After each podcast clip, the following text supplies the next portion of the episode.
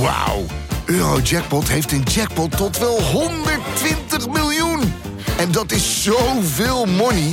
Daarmee kan je een weekendje weg. Met je vrienden. In space. Koop je lot in de winkel of op eurojackpot.nl. Eurojackpot. Een spel van Nederlandse Loterij. Speelbewust 18+. Plus.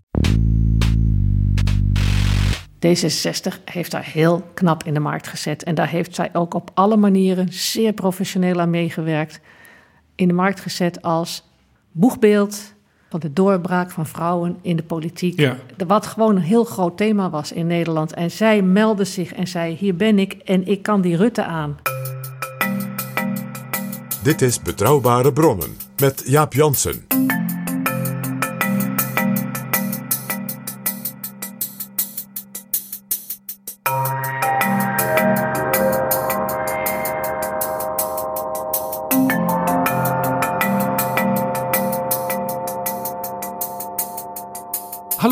Welkom in Betrouwbare Bronnen, aflevering 271. En welkom ook PG.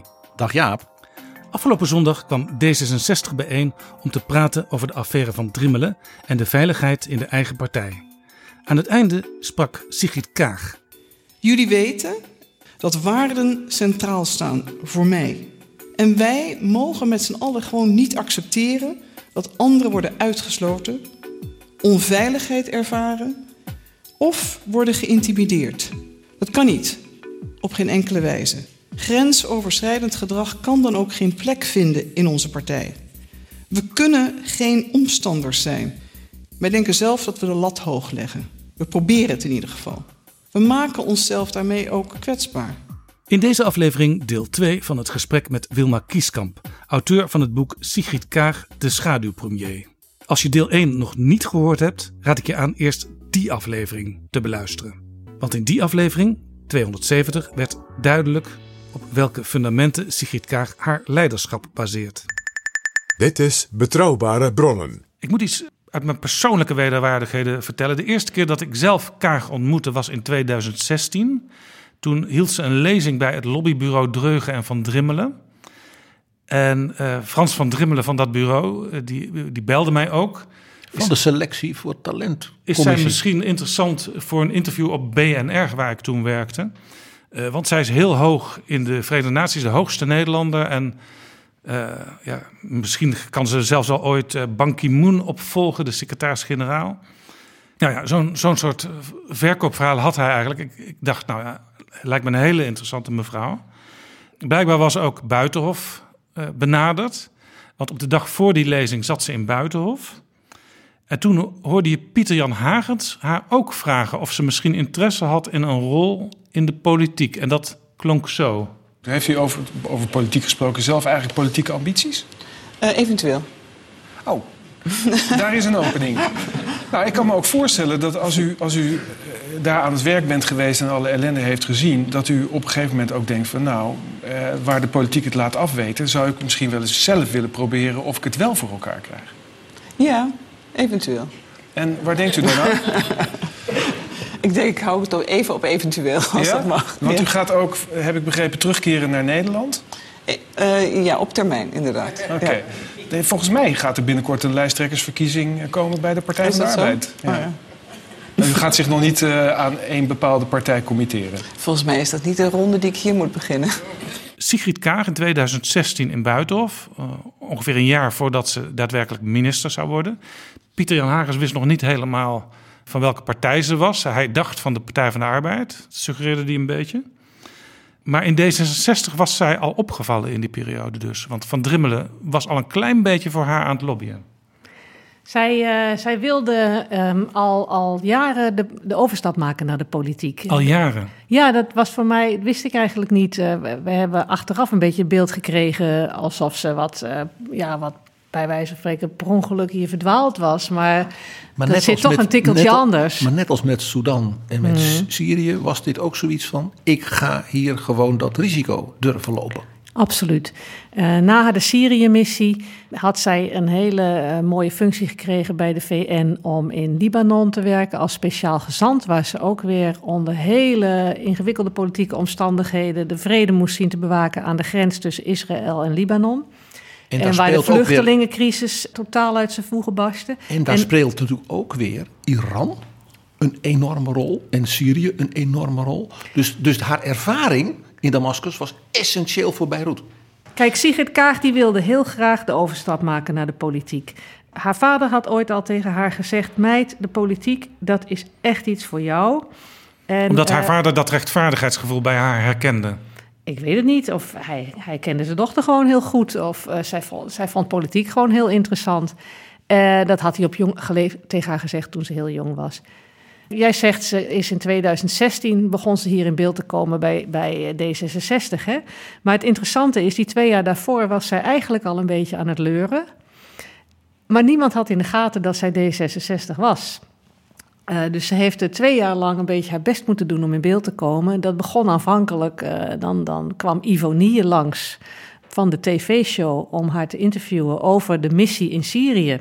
Straks maakt u kennis met deze Sigrid Kaag. 53 jaar geleden geboren in Rijswijk, moeder van vier kinderen. Een van de belangrijkste vrouwen binnen de Verenigde Naties. Sigrid Kaag. We spraken met haar tijdens een bliksembezoek aan Amsterdam. Zocht daarop in Jeruzalem, dat nu weer even haar thuis is. Weer even, want eerder al wonen ze met man en kinderen in Londen, New York, in Cairo, in Soudaan, in Zwitserland. Sigrid Kaag heeft een record aantal persconferenties op haar naam staan. Brengt regelmatig journalisten uit de hele wereld via de televisie op de hoogte van waar ze mee bezig is. En dan komt het. Sigrid Kaag, die zo'n belangrijke internationale functie heeft en toch, wie van u heeft eigenlijk echt ooit van haar gehoord? Daar brengen we vanavond nog verandering in. Dat is haar debuut geweest op tv. Ja, dat En was dat in 2014 en daar zie je ook 2014, ja. Ivonie in haar eh, Jeruzalem-woning binnenkomen. Ja, en eh, zij heeft meteen de kans gegrepen om toen ook te zeggen... nou, een functie in de, in de politiek zou ik ook wel interessant vinden in Nederland. Maar je moet bedenken, D66 was toen nog gewoon een partij heel klein... zat in de oppositie, eh, dus mensen dachten niet per se aan D66 bij haar. Ja, was net aan het opkomen onder Pechtold. En eh, ja, zo is zij eigenlijk eh, pas in beeld gekomen, zo een aantal jaren later. En dat heeft ook weer door allerlei toevalligheden... heeft daar juist een niet-D66er een heel grote rol in gespeeld. Namelijk een kopstuk van het CDA, Ernst Heers-Ballin. Die eh, was zeer onder de indruk van haar eh, Syrië-werk. En hij heeft haar eigenlijk als eerste in Nederland ergens op een podium gezet. In 2015 was dat. Hij vroeg haar te spreken voor een eh, bijeenkomst. Het Prinsjesdagontbijt heet dat. Op Prinsjes, Prinsjesdag hier op het Binnenhof. En daar, dan komt dan een gezelschap, dat weet, dat weet PG beter dan ik, van allerlei christelijke signatuur. En, en, en Heers Ballin dacht, zij is, die wist op een of andere manier dat zij katholiek was. En die dacht, ja, misschien is ook wel interessant voor het CDA. Of in elk geval kan ze het CDA de wacht aan zeggen over de vluchtelingenopvang eh, en, en de crisis. Want daar had ze hele uitgesproken ideeën over. Zo werkt lobby dus ook in je eigen kring. Heers Berlin dacht, zo kan mijn partij onder druk worden gezet. Ja, ja. En eh, hij was ontzettend enthousiast over haar, maar zij was geen CDA. Dus, eh, maar bij datzelfde ontbijt zat toevallig, en nou komen we weer bij jouw vraag, zat Frans van Drimmelen van D66. Heel toevallig. Eh, een lobbyist die ook overal zo eh, zijn zijn voelsprieten En de heeft- baas van de Talent Scout groep van die partij. Precies, de talent scout van D66. En die vroeg haar onmiddellijk bij dat, eh, bij dat ontbijt... volgens mij ben jij D66. En dus kon ze dat, toen zei ze, dat klopt. En hij dacht, nou, dit is super interessant. Die vrouw moeten wij binnen gaan halen. Hij was maar hij was trouwens toch niet de eerste bij D66. Die credits moeten dan weer gaan naar iemand anders. Een vrouw, ook weer klassiek misschien. Eh, dat is eh, Petra Stine Ja, bij D66. Eerste Kamerlid. Tegenwoordig Eerste Kamerlid. Ook diplomaat in de Arabische wereld. Zij kende eh, Sigrid Kaag al heel lang vanwege die, die gezamenlijke eh, ervaring als diplomaat in de, en, en Midden-Oosten deskundige. En zij had eigenlijk ook in diezelfde tijd al aan contact gelegd. Dus als Van, Van Drimmelen wordt dan zeker door de recente affaire rond zijn persoon soms wel een grote rol toegedicht in ehm, haar naar Nederland halen. Maar eh, je kan met evenveel kracht zeggen dat Petra Stine een, een, een hoofdrol heeft gehad. Het is nooit één meneer of één mevrouw. Maar hij was wel natuurlijk de chef van de Talent Scout Club. Dus hij, hij opereerde natuurlijk met gezag vanuit het partijbestuur. En hij is onmiddellijk dingen voor haar gaan regelen, dat, om, dat ze ergens kon spreken. En zo kwam ze ook dan op die borrel waar jij voor uitgenodigd Ja. werd. En daar was ook, als ik me goed herinner, Alexander Pechtold. En Alexander Pechtold heeft haar toen ook later eh, meerdere keren uitgenodigd om eens wat verder te praten. Hij had wel twijfels, hè? want Pechtold dacht, ja, kan iemand die uit zo'n hele andere wereld komt dan de wereld van de Nederlandse politiek van het Binnenhof, kan die hier wel aarden uiteindelijk? Ja, destijds werd er over vakministers aan, eh, aanhalen in een kabinet heel anders gedacht dan nu. Eh, je zag bij de, toen het, nieuwe kabinet, het huidige kabinet op het bordes stond, was heel Nederland super enthousiast. dat Over al die mensen van buiten. vakministers van buiten zaten. Maar in 2017 was dat iets nieuws en dat vond iedereen verschrikkelijk spannend. En ook, Dat was ook eh, een paar keer mislukt. ja, en Pechtold hoorde bij degene die dacht dat dat moet je eigenlijk eh, voorzichtig mee zijn. En hij had hele grote bedenkingen. Daar speelde het natuurlijk bij dat dat kabinet Rutte 3... dat enige partijleider van de coalitie die in dat kabinet zelf als politiek zeg maar, zwaargewicht ging zitten, was Rutte zelf. Nog Buma, nog Pechtold, nog Segers ging in dat kabinet zitten. Dus dan wordt de samenstelling, en als je dan ook nog mensen van buiten zonder zeg maar, Haagse politieke ervaring binnenhaalt, des te ja, gevoeliger. Bij Pechtold was het ook simpeler dat hij dacht... zij is, eh, zij is zo internationaal geworden. Zij, zij beziet Nederland op een soort postzegeltje. Zo'n zo'n cosmopolitische Ja. vrouw... die gaat gewoon niet aarden op het Binnenhof. Nee, nou ja, dat, dat, en dat, daar had hij natuurlijk ook wel ergens aangevoeld... waar een beetje de Ja, spanning is- zou gaan zitten. Hè? Er is een documentaire gemaakt over Kaag door de VPRO. En daar hoor je op een gegeven moment Kaag aan haar assistent vragen... als het gaat om de opiniepeilingen... en dat er toch weer zoveel mensen op eh, die nieuwe partij van Thierry Baudet... eh, lijken te gaan stemmen. Wie zijn die mensen? Nederland zegt meer, meer, meer Thierry Baudet. Volgens de hond dan. Dat is toch verschrikkelijk? Wie zijn die mensen? Die daarop stemmen. En dat is een beetje uitgelegd vaak... meestal door tegenstanders van Kaag. Ze heeft geen idee van wat er in Nederland speelt. En als denigrerend. Terwijl het misschien wel, want ik heb het eerlijk gezegd heel anders beluisterd. Zeker zin, misschien net als met die Thaddeus medaille. Eh, in de zin van bijna een soort eh, sociaal-culturele eh, noodkreet van... waar komt het vandaan dat mensen als het ware op zo'n pad terechtkomen in hun leven? Ja, politieke antropologie in feite.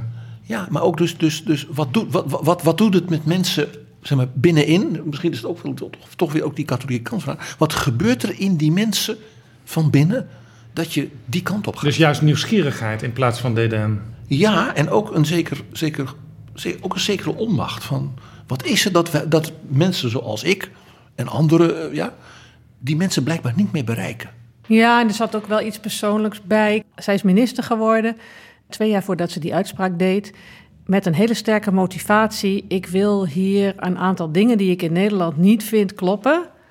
Daar wil ik wel eens mijn zegje over doen. Hè, dan zei ze, ik heb een veel scherpere blik, zei ze. En dat ging ook heel erg over de polarisatie in Nederland.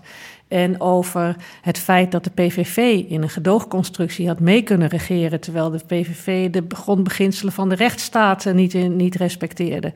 Uh, dus dat populisme, ja, dat, dat, dat, dat, daar is ze heel bezorgd over.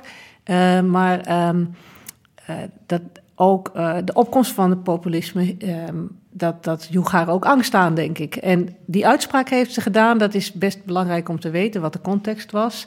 was een paar dagen voor de provinciale statenverkiezingen. Toen en, uiteindelijk de FVD de ja, grootste werd? Precies. Zij, er waren peilingen en die beloofden al dat Thierry Baudet een groot succes zou boeken. En het is destijds nog groter uitgepakt, want hij werd de grootste partij van het land. Wat toen ook voor heel veel um, ja, commotie heeft gezorgd. En een paar dagen voor die grote commotie voelt zij inderdaad zelf die commotie al. En roept zij, wie zijn die mensen die daarop stemmen? En um, zij zelf dacht dat het kwam omdat mensen op zoek waren naar een sterke man. Ja, Pechtold, die, die, die eerst dus nog zijn twijfels had, die is op een gegeven moment de rol van Wilders gaan spelen in een gesprek met haar. Uh, dus haar echt hard aanpakken zoals dat in de plenaire zaal van de Tweede Kamer regelmatig gebeurt. En toen was hij eigenlijk voor haar gewonnen. Want zij bleef heel cool reageren. Eigenlijk kreeg Pechtold het gevoel in zijn rol van Wilders... dat ze hem eigenlijk maar ja, een miserig mannetje vond zonder dat ze het uitsprak. Ja, dat, nu heb je het over de, de, vlak voor ze minister werd, toen er een soort definitieve beslissing moest genomen worden of ze geschikt was voor de Nederlandse politiek. En, en Pechtold heeft daar toen als het ware ontgeroend. En hij is echt de korbal, dus dat gaat dan ook een beetje op zijn uh, Minerva's. En toen is hij vanuit het niets... Uh... Een beetje op zijn Assads. nou... Uh, op zijn Minerva's zou ik zeggen.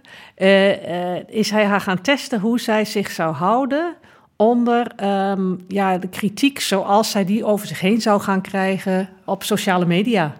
Of in de Kamer van Wilders. Uh, toen is zij haar gaan uitschelden. Uh, je bent een hoer. En, uh, en kijken of zij zich uit de tent liet lokken. Maar ja, ach, dat had hij eigenlijk best kunnen raden. Dat ze daar ontzettend stoïcijns onder zou blijven.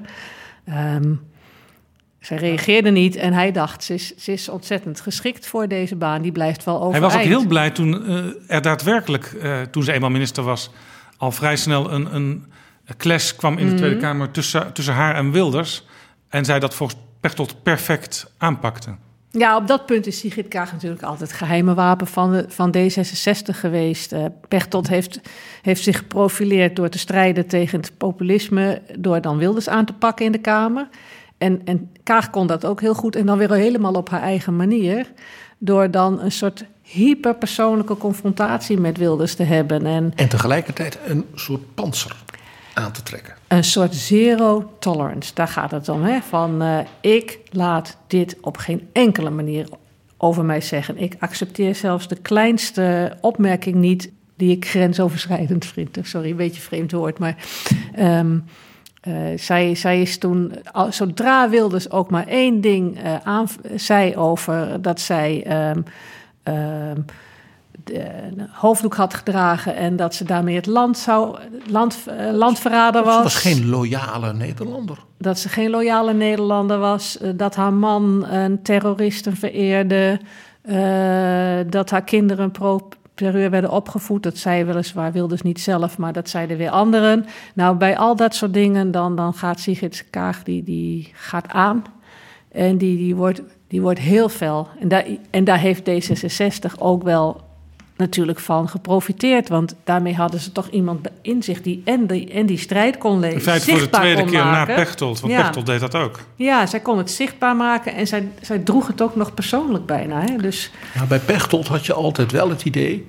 Dat, en daarom was Kaag dus inderdaad echt een soort added value, om het zo zeggen... dat Pechtold het ook wel leuk vond die genoot ook wel van het kamerspel en het debat en zelfs het verbale floret. Ja. Bij Kaag zie je en minder bij, bij Kaag dat, je dat, panzer, dat zie je helemaal niet. Zie je dat panzer en maak zeggen dat, dat beginselvaste. Bij, haar. bij Kaag zie je meer dat, dat ze het als een opdracht ziet ja. dat ze de, het, het ermee moet ja. stellen. Ja. ja, en zij was ook echt van de zero tolerance. Want ik ging nog eens opzoeken, wat heeft Wilders dan destijds voor ergens allemaal over haar gezegd. Hè? Toen bij haar aantreden als minister waren dat drie tweets in een heel jaar tijd. En met de maatstaven van toen kon je zelfs best redeneren. En dat deed bijvoorbeeld premier Rutte ook. Die zei, ja, daar moet je gewoon niet zo druk over maken. Dat, dat, dat valt wel mee eigenlijk, nee, vergeleken niet, bij andere onderwerpen. Dat niet, zo, niet maar meer van, ja, dat, dat, dat, is, dat is, het gaat er hier nou eenmaal soms hard aan toe. Op social media, wennen maar aan. En, en Rutte gaat er gewoon dineren met zo'n uh, qua jongen. Ja, je, ja, ja. En daar moet je gewoon niet zo, ja, moet je gewoon een beetje dikke huid voor hebben. En zij had zo vanaf dag één, dat ga ik niet accepteren. En daar heeft ze denk ik wel heel veel kiezers vanaf dag één mee, ja, credits mee gewonnen, omdat mensen dat ook sterk vonden. Over Rutte gesproken. Vlak voordat zij gelanceerd werd als kandidaat lijsttrekker, zag hij dat voor het torentje foto's werden gemaakt van Sigrid Kaag. Hij dacht, hé, hey, wat is dat? Uh, waarom staat zij voor het torentje? Blijkbaar voert zij iets in haar schild.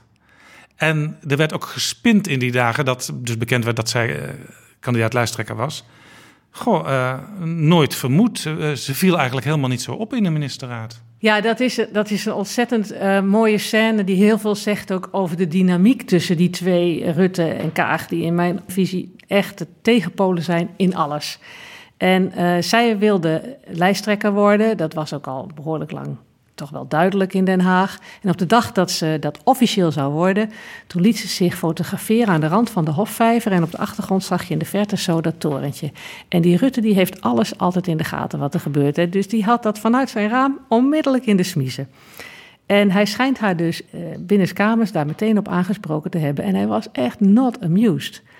Want dan, dan pakte hij dat in een grapje en dan zei hij: Goh, ik maak altijd foto's van mijn eigen werkkamer. En dan bedoelde hij: Zeg, mevrouw, ik ben de premier en wie ben jij wel? Een of andere minister in een juniorrol. Wat is dat ook alweer? Minister van Buitenlandse Handel. Staat zo iemand eigenlijk wel eens in de krant? En dat wil dan mij uitdagen dat ik het toren, dat ze mij uit het torentje wil verjagen als premier. Hij vond het echt, hij was woest.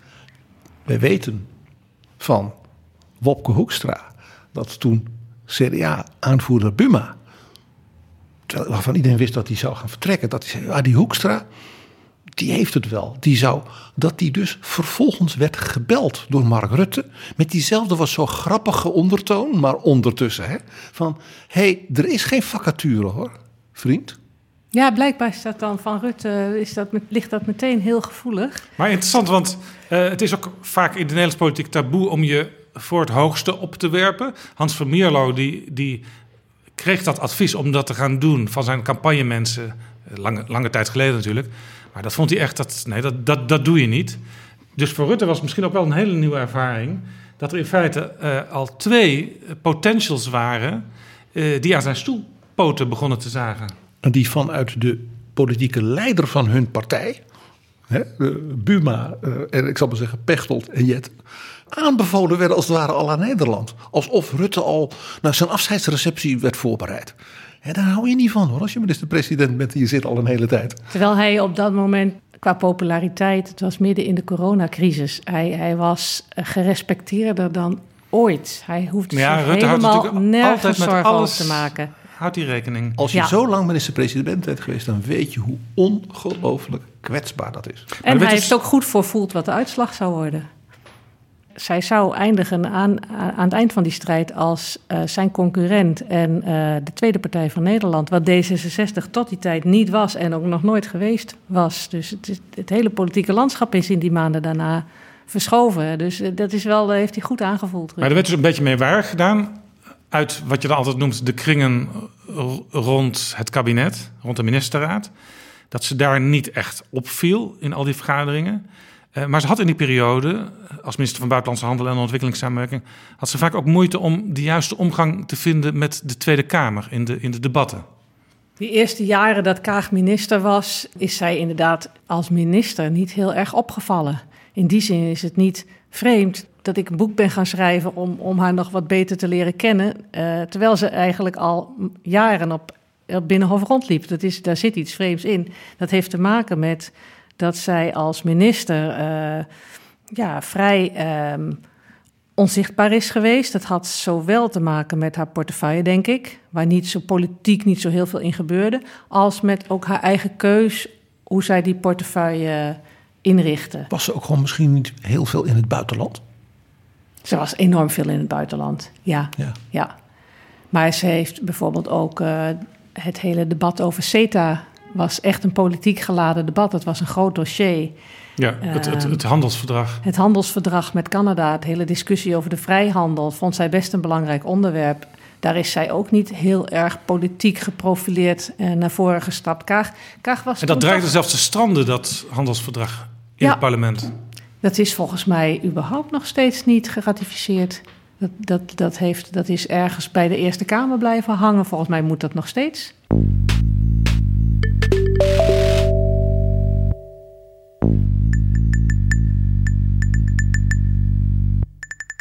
Mark Rutte die deed dus half grappend, alsof hij stom verbaasd was dat Sigrid Kaag zich opwierp A voor het lijsttrekkerschap en B zelfs voor het torentje. Toch had hij gewaarschuwd kunnen zijn, want op 23 november 2018 had ik Kaag te gast in Betrouwbare Bronnen. En ja, betrouwbare bronnen, dan wil je altijd een lang gesprek. Maar de minister had uiteindelijk maar een half uur beschikbaar. Maar het ging echt ja, bijna als een soort mitrailleur. Je stelde een vraag, je kreeg heel to the point antwoord. Dus je kon echt in een half uur heel veel behandelen. En ik stelde natuurlijk ook de vraag of zij misschien in D66 een hoge toekomst uh, voor zich zag. Sterker nog, was zij bereid de strijd aan te gaan, uh, bijvoorbeeld met op dat moment de fractievoorzitter Rob Jette. En toen zei ze dit. Ik ben teruggekeerd naar Nederland. Dat was nu uiteraard wel een bewust besluit. Ik heb deze functie ook bewust op me genomen. Dus ik ben in een hele nieuwe fase. Ik wil me nuttig inzetten voor D66. Dat is heel belangrijk, want ik denk dat D66 een ontzettende belangrijke partij is voor Nederland, juist ook in deze fase. Zou het ook goed zijn voor de partij als er een soort concurrentiestrijd ontstaat om het leiderschap eh, bij de verkiezingen? Oh, ik vind uh, een, een, een, gezonde concurrentie, uh, uh, concurrentie, maar concurrentie is misschien zelfs het verkeerde woord, een gezond debat voor juist een, een democratische partij als D66, dat hoort erbij. Zij was er dus twee jaar voordat het echt naar buiten kwam, was zij daar al mee bezig met die optie? Ja, we, hebben het net gehad over dat zij in wezen al in, jaren voordat ze minister werd riep: Ik wil heel graag de politiek in, ik heb interesse. Dus ze was haar, haar, haar hengeltje al aan het uitwerpen. Bij het lijsttrekkerschap is het in wezen niet anders gegaan. Daar heeft ze al heel lang interesse in gehad. Al, al denk ik wel dat de definitieve beslissing of ze het echt zou gaan doen, dat ze die heel lang voor zich uitgeschoven heeft. Maar het, het traject begon ze vast te bewandelen. En het klopt, de allereerste keer dat ze dat gezegd heeft, was in jouw podcast. Voor zover ik heb kunnen achterhalen. Dat ze ook openlijk zei: Ik heb wel, ja, dat lijsttrekkerschap zou mij ook wel interessant lijken. Toen was ze net één jaar minister. Uh, heel veel in het buitenland. Uh, eigenlijk was ze alleen maar opgevallen die ene keer dat ze met Wilders had gebotst over de hoofddoek die ze had gedragen in Iran. Bij een, uh, toen ze tijdelijk drie weken vervanging was van ik, de minister ik weet nog, van Buitenlandse het, het gesprek Zaken. moest vanwege haar agenda ook uh, s'morgens heel erg vroeg. Ja, ze was bijna altijd in het buitenland, maar dat ene moment met die dat verdedigen van die hoofddoek had haar zo uh, politiek op de kaart gezet. Dat, um, dat had haar dus eigenlijk geholpen. Ja, in wezen wel. Ja. En Kaag is toen ook um, gaan nadenken, was al bezig na te denken over wat dan haar politieke boodschap zou worden. En, en wat, denk ik, wij als journalisten op Binnenhof, ik in elk geval heel lang niet zagen, was. Zij begon buiten het Binnenhof lezingen te geven over waarden. Niet over de vraag of er meer uh, of Nederland op klimaatbeleid harder uh, vooruit moest, of, of, of dat het minimumloon wel of niet On, Onder andere moest, maar bij, over bij Trouw, de Abel Herzberg-lezing. Abel Herzberg-lezing bijvoorbeeld. En die gingen niet over buitenlandse handel en over het, het verdrag nee, met Canada. Dat ging over de, het, het luid verdedigen van de rechtsstaat. Toen is ze eigenlijk haar eigen boodschap al gaan, gaan smeden. Dat begon met die hoofddoekbotsing en toen kreeg ze die vragen: kan je niet eens uh, wat, wat komen spreken? En dat heeft zij gebruikt, dat podium, om haar boodschap te gaan formuleren. Wat zal het oordeel zijn van onze historica die terugkijkt op onze tijd van onbehagen en vervreemding? Ik hoop dat zij zal kunnen zien en erkennen dat we in staat waren het tij te keren. Dat niet polarisatie en kunstmatige tegenstellingen, maar verbinding de norm wordt. Daarom ben ik de politiek ingegaan. We moeten altijd de zorgen en angsten van onze medemens erkennen, onderkennen en erkennen. Er naar luisteren en samenwerken aan oplossingen. Een dialoog is altijd een antwoord op zorgen. We moeten angst niet voeden, maar opvangen. Verschillen proberen te overbruggen, van elkaar leren. Een daadwerkelijk nieuwsgierigheid aantonen. En daadwerkelijk samenleven en beleven. Waarde geven aan de kansen van anderen. Juist diegenen die geen stem of politiek kanaal hebben. Uit overtuiging dat de kracht van verantwoordelijkheid nemen is wat je doet voor een ander, niet voor de eigen achterban of bevolkingsgroep. Door elkaar niet te reduceren tot één kenmerk van ons wezen, van ons mens zijn. Ook daarom wilde ik terug naar Nederland. En daar is twee jaar aan gewerkt. En toen kwamen de lijsttrekkers keuze bij D66. En toen stond ze eigenlijk opgesteld aan de startstreep. Ja, toen, toen zij zich presenteerde, dat was bij, in een interview met Jinek. Toen de dagen daarna hoorde ik echt, nou, tientallen vrouwen in mijn omgeving, ook mannen, maar vooral vrouwen, die op alle soorten partijen hadden gestemd in de jaren daarvoor. Die Kaag, daar ga ik op stemmen. Echt meteen, van de een op de andere dag, terwijl ze nog steeds niet super bekend was tot dat moment. Zij heeft uh, een hele nieuwe doelgroep voor die partij weten aan te boren. Uh, vrouwen die eerder niet op D66 stemden, jongeren ook heel veel.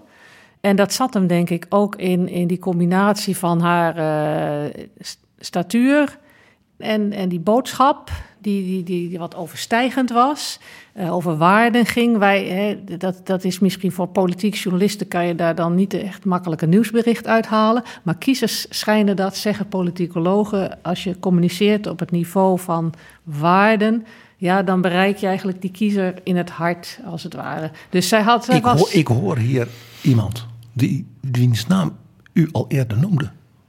Ernst Heersballing. Dit is een typisch Ernst Heersballing betoog. Dus ook die wat katholieke kant, waarbij dat waardenverhaal altijd dus het heeft te maken heeft met rechtsstaat. En daarnaast, daarnaast was er natuurlijk ook gewoon duidelijk. D66 heeft daar heel knap in de markt gezet. En daar heeft zij ook op alle manieren zeer professioneel aan meegewerkt. In de markt gezet als boegbeeld van de doorbraak van vrouwen in de politiek. Ja. Wat gewoon een heel groot thema was in Nederland. En zij meldde zich en zei: Hier ben ik en ik kan die Rutte aan. Maar het duurde nog best wel eventjes voordat daadwerkelijk de verkiezingen plaatsvonden. En in die tussentijd was het vooral toch corona wat de klok sloeg. En uh, je zag voortdurend Mark Rutte en minister Hugo de Jonge in persconferenties. U verwees al even naar het was in de peilingen nog helemaal lang helemaal niet zo duidelijk wat het zou gaan doen. Want zij schoot even omhoog meteen na die presentatie bij, bij Jinek. Uh, maar daarna kwamen er toch weer andere dingen in beeld. Maar toen eenmaal in de laatste weken voor de verkiezingen de debatten plaatsvonden... toen waren mensen ineens weer heel positief over haar.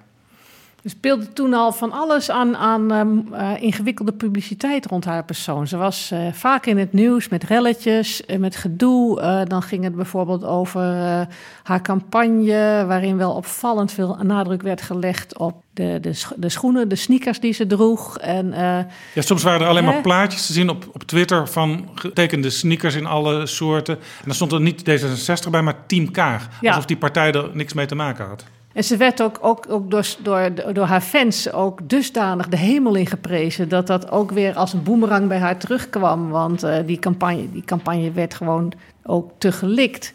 Wat uh, zij dan best wel gênant moet hebben gevonden af en toe. Ja, daar zei ze dan weer nooit iets over. Ja, als je zulke mooie heel... woorden over waarden spreekt... je wordt dan als een soort uh, zeepmerk neergezet... Hè?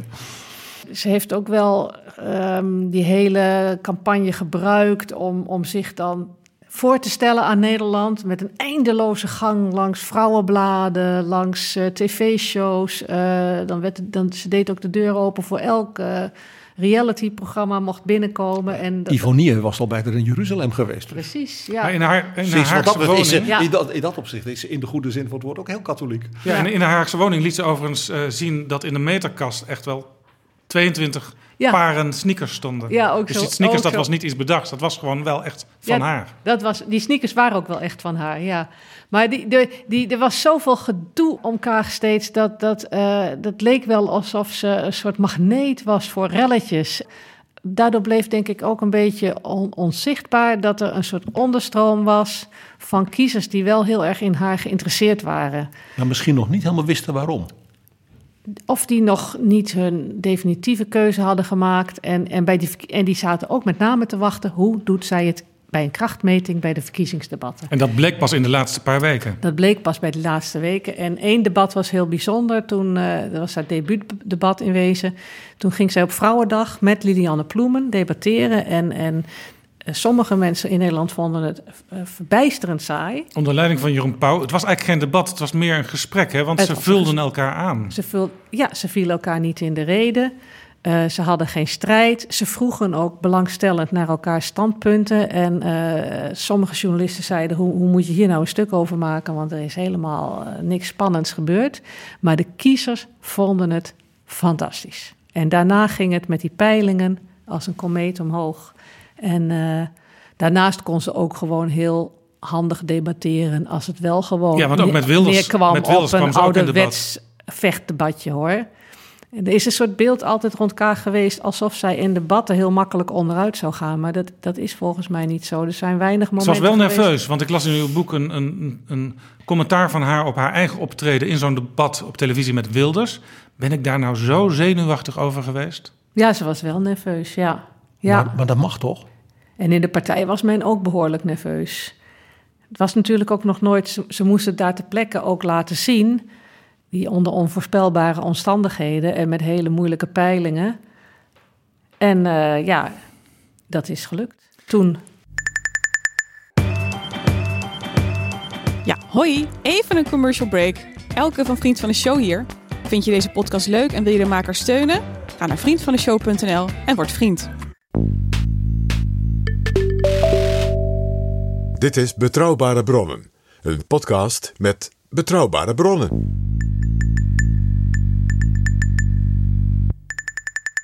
En toen kwam de kabinetsformatie. En ja, dan kun je natuurlijk denken, eh, zij had alle soorten van onderhandeling al in haar internationale leven meegemaakt en doorgemaakt. Maar ja, op het Binnenhof heb je toch weer hele andere rituelen. Kwam zij daarin uit de verf? Meteen? Of moest ze toch wennen? Ze, eh, bij die onderhandelingen voor de formatie, dat is in wezen voor mijn gevoel een ehm, één grote krachtmeting geweest tussen de stijl van onderhandelen van Mark Rutte en de stijl van onderhandelen van Sigrid Kaag. Een krachtmeting die zich bovendien dan nog afspeelde in een nieuw politiek landschap, waar Rutte moest dealen met het feit dat D66 opeens de tweede partij was. Wat is de stijl van Rutte, als je het heel kort samenvat? En hoe, verhoudt die stijl van Kaag zich daar tegenover? Ja, hij is natuurlijk zo'n echte binnenhofbewoner die ehm, eh, eh, koffie drinken, eh, relaties beheren. ehm, Ritselen en regelen, Ritselen zei Kaag en later regelen, in de HJ schoollezing over Rutte. ja, ja. Leiderschap is voor mij dan ook het tegenovergestelde van regelen, ritselen zonder visie. Waar het visioen ontbreekt, verwildert het volk, staat geschreven in de spreuken. Als je de politieke managers te lang hun gang laat gaan, als politiek niet langer als middel wordt gezien, maar als doel op zich, als beheren en accommoderen zijn uitgegroeid tot hoogste ideaal, betaalt de samenleving uiteindelijk daarvoor de hoogste prijs. Dat bedoelde ze ook echt op Rutte. Want er werd toen die lezing wat ontplofte gedaan alsof dat een soort algemene observatie was. Dat geloofde natuurlijk ik in elk geval niet. En in feite zegt u ook dat sloeg echt gewoon op de persoon Mark Rutte. Voor mijn interpretatie, dat was die hele schoollezing waar, ze, waar veel om te doen is geweest. Omdat ze toen een, een keiharde aanval had op de stijl van, van werken van Rutte. Voor mijn interpretatie was de motor daarachter haar frustratie over de kabinetsformatie. En over de manier waarop Rutte opereerde. Eh, ze heeft hem toen beschuldigd van eh, dat zijn stijl van ritselen en regelen eh, veel te dominant was geworden. En op het, zonder visie. En Die twee woorden erbij, dat zonder visie. Ja, ze heeft Ja. hem toen Ja, dus keihard blijk- aangepakt. Blijkbaar sloot Kaag zelf niet uit dat er wel eens iets geritseld en geregeld moest worden. Als er maar een visie achter stak. Dan was het in ieder geval nog te terwijl, accepteren. terwijl Rutte dan altijd Helmoet Schmid citeert. Hè, Ja. van als je last hebt van visioenen, ga dan naar de oogarts. Ja, en da- da- da- in de formatie zaten ze tegenover elkaar met die totaal verschillende stijlen. Eh, eh, zij is dan, eh, de, zij, is- zij is degene die dan wil een fundamentele discussie eerst van waar, waar sta je, Eh, wat, eh, wat zijn je ideeën over een De grote Rutte die legt gewoon de verkiezingsprogramma's naast elkaar en die zegt, zullen we het zo oplossen? Ru- precies, Rutte stampt meteen, die, die, die steekt meteen door naar... kijk, ik zie daar nog een probleempje. Als we dat nou eens op die manier oplossen... dan die, die is super pragmatisch. En Kaag zij- wil echt eerst het fundament neerzetten, bijna letterlijk. Ja, ja, ja. En dat zijn natuurlijk twee botsende stijlen. Je kan voor allebei misschien wel iets zeggen... maar eh, het is ook... Je kan ook voor haar stijl iets zeggen. Het is ook niet dat zij nou helemaal gek is of iets dergelijks. Eh, het is een botsing van stijlen. En eh, zij heeft die hele Haagse cultuur van coalitievorming door middel van veel informeel overleg heeft zij al aangeklaagd bij het begin van haar lijsttrekkerschap. Toen zei ze ook, eh, het moet allemaal anders, het moet, we moeten weg met die haantjescultuur. Haar hele credo, nieuw leiderschap, ging ook eigenlijk daarover. En dat is ook waarom ze snel populair werd, maar dat is tegelijkertijd misschien nu in de praktijk ook haar Achilleshiel. Ja, want je hebt natuurlijk wel, je zit natuurlijk wel in een land waar altijd minstens vier partijen nodig zijn om een coalitie eh, rond te krijgen tegenwoordig. Eh, je moet wel met elkaar samenwerken. Dus eh, het is ook weer niet zo heel gek dat, dat je soms pragmatisch kijkt naar waar kunnen we samen een oplossing vinden. Ik ben door uw boek en door het erover nadenken tot een misschien merkwaardige conclusie gekomen op dit punt. Kaag is in dit opzicht dus alles behalve katholiek. Van de katholieke politiek, met haar grote traditie, weten we dat die heel pragmatisch is. Je moet gewoon dealen met de werkelijkheid en, de, en, en, en dergelijke. In feite zoals Rutte het uitvoert. Rutte is wat dat betreft een KVP'er. En Kaag helemaal niet. Kaag is iemand van de ChristenUnie of de SGP. Die wil het met fundamentals. En dat zijn beginselen. En daar moet je het over hebben met elkaar. En vervolgens kom je dan op een zakelijke gronden. Zelfs vrij kil. Gewoon van, nou ja, wij hebben niet de meerderheid. Hè, we zijn maar een kleine reformatorische minderheid. Die dingen willen we. Maar wij staan wel voor die waarden en voor die fundamentals. En in dat opzicht is het dus ook zo grappig. Uh, dat wij in eerder gesprekken, onder andere, dat was het niet met Segers hemzelf. Die zei, ja, de samenwerking met D66, die viel mij in die vorige kabinetsperiode niet alleen mee. Wij hadden door die wat meer fundamentele manier van discussiëren op thema's, vaak wel tegenstellingen, maar wel interessante tegenstellingen. Ja, nee, het Segers, ging ergens over. Segers vond het bijvoorbeeld leuk om met Alexander Pechtold in, in een zaal in debat te gaan. Ja, en het grappige was, dat was ook te merken in bijvoorbeeld de contacten die ze met Rob Jetten hadden. En ik vind dus in dit opzicht is Kaag helemaal dus niet zo katholiek. Dat is eerder bij klassiek Calvinistisch. Dus tamelijk hard uh, uh, zeg maar, in de zakelijke kant. En altijd benadrukken fundamentals. In, in, in het uh, fameuze 1 april debat over Pieter Omtzigt functie elders. Toen zei Kaag op een gegeven moment, ja, eigenlijk in de richting van Mark Rutte. Hier scheiden onze wegen. Dat kwam toen heel hard aan bij iedereen die daar naar keek. Is zij toen helemaal goed begrepen? Wat bedoelde ze toen? Uh, ze maakte er ook zo'n zo'n groot gebaar bij haar. Hè? Ze maakte ook letterlijk met de handen dat gebaar, hier scheiden onze wegen. Ze was ook dus, heel vroeg in dat debat naar voren gelopen. En dat waren dus ook dat was dus die, die fundamenten. Hier gaan die twee fundamenten, die ijsschotsen, die gaan uit elkaar. In elk geval, kijk, ze is voor een deel misschien verkeerd begrepen. Voor een deel heeft ze dat ook toen heel um, uh, handig wel een beetje um, zo laten gebeuren, denk ik. Dat ze verkeerd even een dag lang verkeerd begrepen Ja, want werd. aan het eind, toen het debat mm -hmm. voorbij was ja. en haar, de camera's haar nog opvingen bij de uitgang...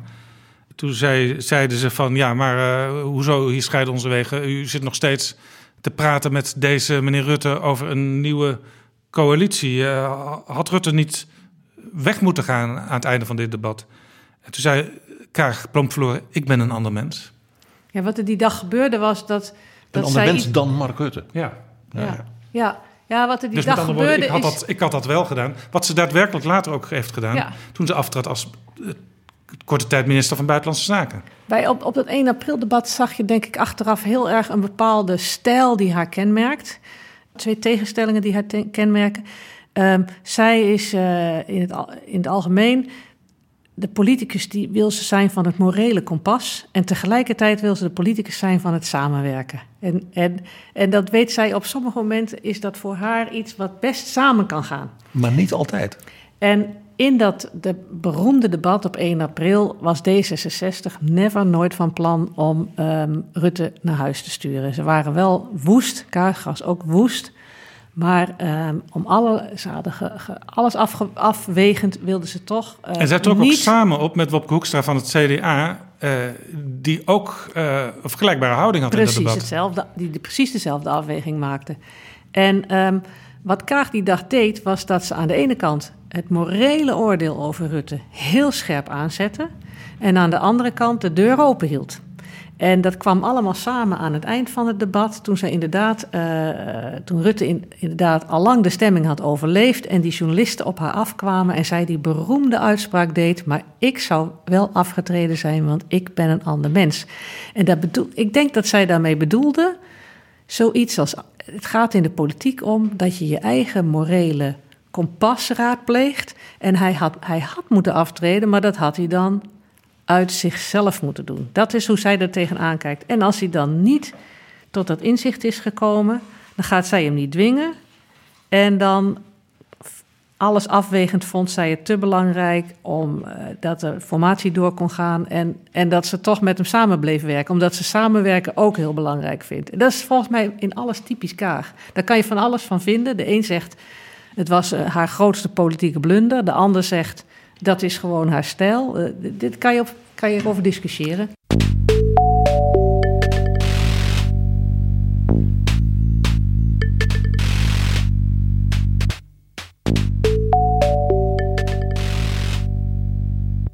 totaal verschillende werelden, Rutte en Kaag. Ze, ze werken nu toch samen en volgens uh, de Telegraaf gaat dat steeds beter. En als de Telegraaf het zegt, dan, dan zal dat wel waar zijn. Dan komt dat uit de VVD, bedoel je? In dit hele gesprek hebben we eigenlijk steeds gezien dat ethiek en moraal heel belangrijk zijn voor haar. De fundamenten, die moeten altijd eerst goed zijn voordat je over de details kunt gaan praten. Maar dit maakt haar ook kwetsbaar. Dat hebben we onlangs gezien in die kwestie van drimmelen. Ik denk dat we niet echt de details over die kwestie hoeven uit te leggen. Maar veel kiezers die dachten...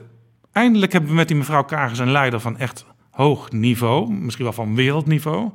die zijn daarin toch wel teleurgesteld de uitstraling van Kaag dat zij hè, met morele kompas uh, met, al, altijd bij de hand heeft. Uh, dat zij een andere Haagse cultuur nastreeft. Dat zij begrippen als rechtvaardigheid centraal stelt. Heeft natuurlijk bij kiezers enorme verwachtingen gewekt. Met name over radicale politieke keuzes die daar dan aan verbonden zouden zijn. Ja, het voordeel is natuurlijk ook campagnematig dat een kiezer kan daar zijn eigen dingen op projecteren. En dat is voor een politieke partij altijd fijn als er verkiezingen ja. aankomen. Ja. Je kan haar misschien verwijten dat ze, de, dat ze er misschien uh, dat het wat ruis had weggenomen als ze had gezegd: Ja, by the way, ik ben niet heel links. Uh, of, uh, maar ja, dat zie je toch ook weer niet voor je dat ze dat had gedaan. Je moet ook in een campagne nooit zeggen wat je niet bent. Nee. Je moet in een campagne zeggen wat je wel bent. Ja. En eigenlijk moet je dat wat je wel bent ook nog voor zichzelf laten spreken. Dat moet eigenlijk organisch uitstralen. Ja, maar ja, goed. Kijk, ze heeft, ze heeft zelf gekozen voor de slogan Nieuw Leiderschap bij haar uh, verkiezingscampagne. Die, daar heeft ze, denk ik, uh, zichzelf mee heel goed uh, duidelijk neergezet. je kon er ontzettend lachen natuurlijk om die, om die slogan. Maar ze, ze, ze zetten wel een thema neer waar heel veel kiezers op op aan. Maar toch is een soort voortdurende. Maar ze heeft daarmee ook de lat voor zichzelf hoog gelegd. En dat hoort er dan ook wel bij. Ja, en in Den Haag hoor je elke week wel iemand klagen of een columnist schrijven. Uh, dat die nieuwe bestuurscultuur, mm -hmm. dat, dat, we daar eigenlijk nog helemaal niks van gehoord hebben. En ja. dat kun je ook, zou je ook Kaag kunnen aanrekenen. Waar zijn, waar zijn die ideeën, waar zijn die plannen? Kijk, de, het, het punt is dat zij natuurlijk zij is tegelijkertijd ontzettend pragmatisch. Um, er zijn wel nieuwe ideeën, maar dat zijn veel zijn klein, kleinere dingen dan, dan kiezers misschien verwacht hadden. Um, tegelijkertijd wordt zij zelf uh, natuurlijk uh, elke keer ook ter verantwoording geroepen als uh, er iets misgaat in haar partij, omdat zij nu eenmaal ja, die, die meetlat zo hoog heeft gelegd klein ding wat veranderd is um, aan de politieke cultuur is bijvoorbeeld um, dat coalitieoverleg op maandag is afgeschaft. Maar dat was een radicaal idee van Mark Rutte. Dat was niet van mevrouw Kaag. Volgens mij heeft zij dat als eerste voorgesteld al uh, tijdens de verkiezingscampagne. Oh ja, gaan we opzoeken. Gaan we opzoeken wie de eerste Leuk. was. Doen we een prijsvraag. En, dan uh, heeft Rutte helemaal geen radicaal idee meer over. Dan is, en, uh, dan is er geen radicaal idee. Dan, de verste vet en iets, overblijft, ja. Ja, iets kleins waar ik, denk, waar ik ook vermoed dat haar handtekening daarachter zit... is uh, deze week zijn, is er overleg gaande tussen de coalitie en de oppositie... Uh, dat moet ook allemaal in volgens de nieuwe bestuurscultuur. 16 kopjes koffie ze... waarvan Rutte zegt: die ga ik niet allemaal drinken, want dan ga ik trillen. Ja, uh, ik stel me zo voor dat Rutte heeft gedacht, nou die oude manier van gewoon rechtstreeks onderhandelen met die partij waar, waar, de, waar je de ruimte ziet, is handiger. Maar ze gaan nu langs alle oppositiepartijen, alle negen. En mevrouw Kaag gaat met Rutte nu doen wat ze zei nooit te waarderen, nou kopjes koffie drinken. Ja, ook dat, ja. ja. Dus, dus die, die opmerking ja. van Rutte heb ik ook beschouwd als een soort klein tikje terug voor de HJ Schoolezing. Ik zie u knikken. Een tijd geleden verscheen er een boek over Els Borst. En dat werd gepresenteerd eh, in aanwezigheid van Sigrid Kaag. En Kaag citeerde toen een aantekening uit het dagboek van Els Borst. En dat wil ik even voorlezen.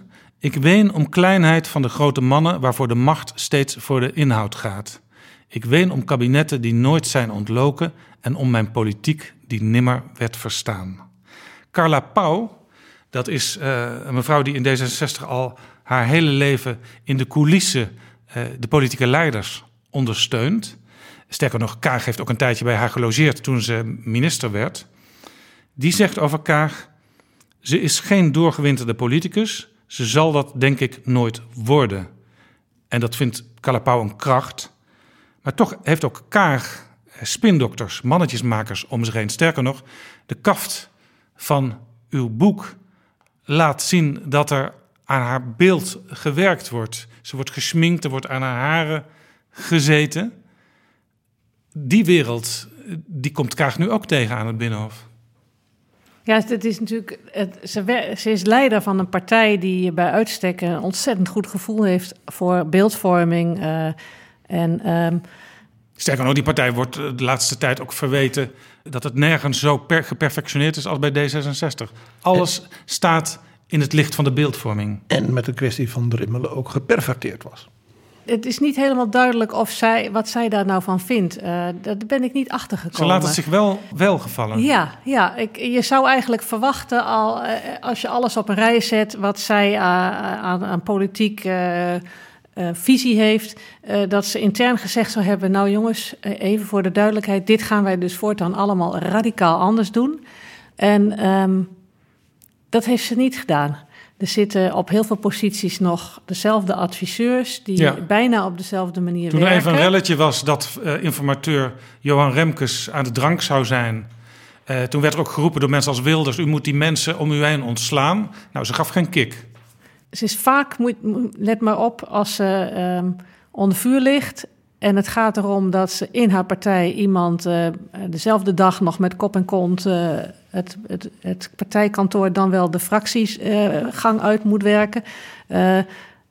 zij verdedigt zich meestal niet.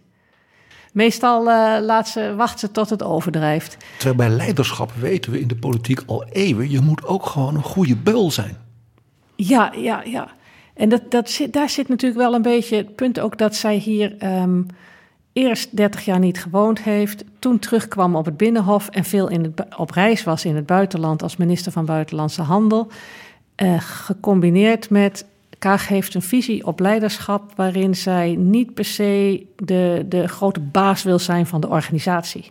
Dus zij wil de politieke lijnen uitzetten, maar zij hoeft niet de baas van de tent te zijn. Uh, veel mensen in D66 vinden dat ook wel verfrissend. Je krijgt een wat plattere organisatie. Iedereen heeft zijn eigen verantwoordelijkheid. Dat is ook heel uh, katholiek, hè, PG?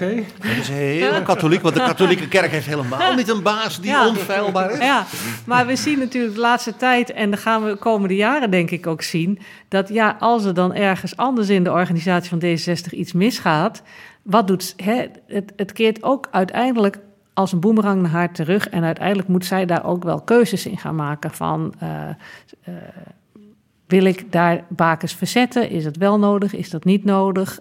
Daar aarzelt ze ook nog wel vaak. Ik heb een hele rare vraag. Kan het gewoon zijn dat ze dat aspect van dat nieuwe leiderschap... waar dus hele oude elementen in zitten... Hè? gewoon staan waar je voor bent, soms ook hard moeten zijn... Hè? wat ik zeg, je moet ook af en toe een beul kunnen zijn... dat ze dat gewoon niet leuk vindt dat, dat, toch, toch te, dat ze daarin toch te veel de diplomaat is?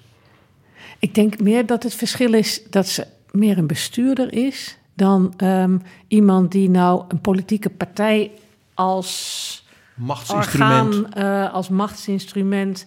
Maar zij, daar nou zo, maar zij zo helemaal, ook, uh, helemaal maar zij moet ook uit haar internationale ervaring ook weten dat als je inhoudelijk verder wil komen, sterker nog, als je zelfs uh, aan de fundamenten van iets wil morrelen en die wil ver vernieuwen, dat je dan macht nodig hebt.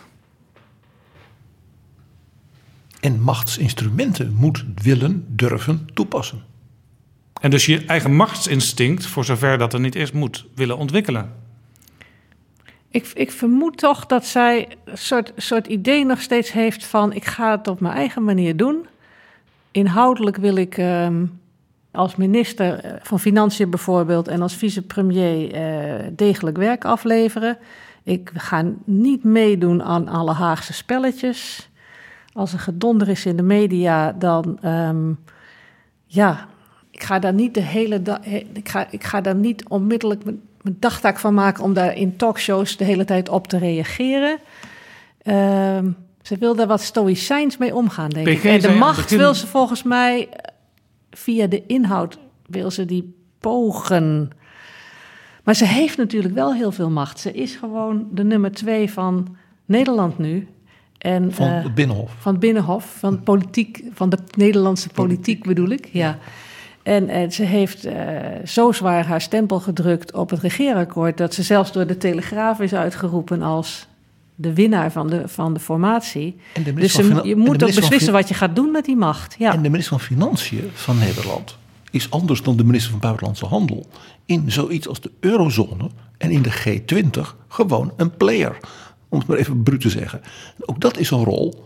Ja, daar zal je dus ook ja, eh, machtsinstrumenten en je positie als het ware moeten markeren. En daar is ze dus ook echt de schaduwpremier. Want eh, ze, ze- ze wil Rutte naar de kroon steken. Maar in de politieke praktijk is zij elke dag ook al met alle onderwerpen bezig waar Rutte ook mee bezig is. ja, ze staat in zijn schaduw en ze wil, over zijn, en ze wil hem verjagen. Hè? Dat is, dat is, je weet nog niet hoe het eindigt. Helemaal tot slot, als we nu naar haar loopbaan kijken en naar haar leven tot nu toe. eh, ze wist eigenlijk altijd haar doelen te bereiken, eh, soms op een hele verrassende manier. Zit dat premierschap er uiteindelijk nog in? Als je een weddenschap moet afsluiten en je wilt dat dan een beetje eh, wetens- wetenschappelijk aanpakken, ja, dan, dan kan je zeggen, terugkijkend heeft ze tot nu toe alles wat ze, wat ze aangegaan is, elk avontuur, heeft ze tot een goed eind gebracht. En ze was bereid daar Dus- enorme risico's voor te En nemen. bereid enorme risico's te nemen. En, en ook eh, ja, toch heel erg gefocust op eh, niet laten afleiden door details. Dus in die zin vind ik het wel spannend. Er, er wordt, ik denk dat op dit moment weinig mensen zijn die haar toedichten dat ze de volgende premier wordt. Al was het alleen maar omdat dat vergt dat D66 dan de grootste partij van het land zou worden. En, en dat lijkt mij politiek nog steeds een behoorlijk lastige kaart. Maar dus de vraag is denk ik meer, gaat ze dan van dit vicepremierschap om te beginnen een succes maken? En dan- ik vermoed dat ze, ja, dat, dat je toch haar goed in de gaten moet houden, zeg maar. En dat Rutte haar ook nog steeds, net zoals toen, eh, toen bij die scène met het torentje en de foto waar we het over hadden, haar nog steeds Zullen we heel goed afspreken in de dat we dat gaten doen? houdt. En eh, om met PG te spreken aan het begin van dit gesprek. Het is misschien een beetje vroeg nog eh, voor een biografie. Maar dan komt er vast een deel 2. Ik noem het ook zelf geen biografie om diezelfde reden. Want het is natuurlijk een politicus die nog maar net begonnen is. Dus Het is een portret. hè, het is een portret. Voor een biografie gaan we nog even rustig afwachten hoe het verder gaat. Dankjewel, Wilma Kieskamp.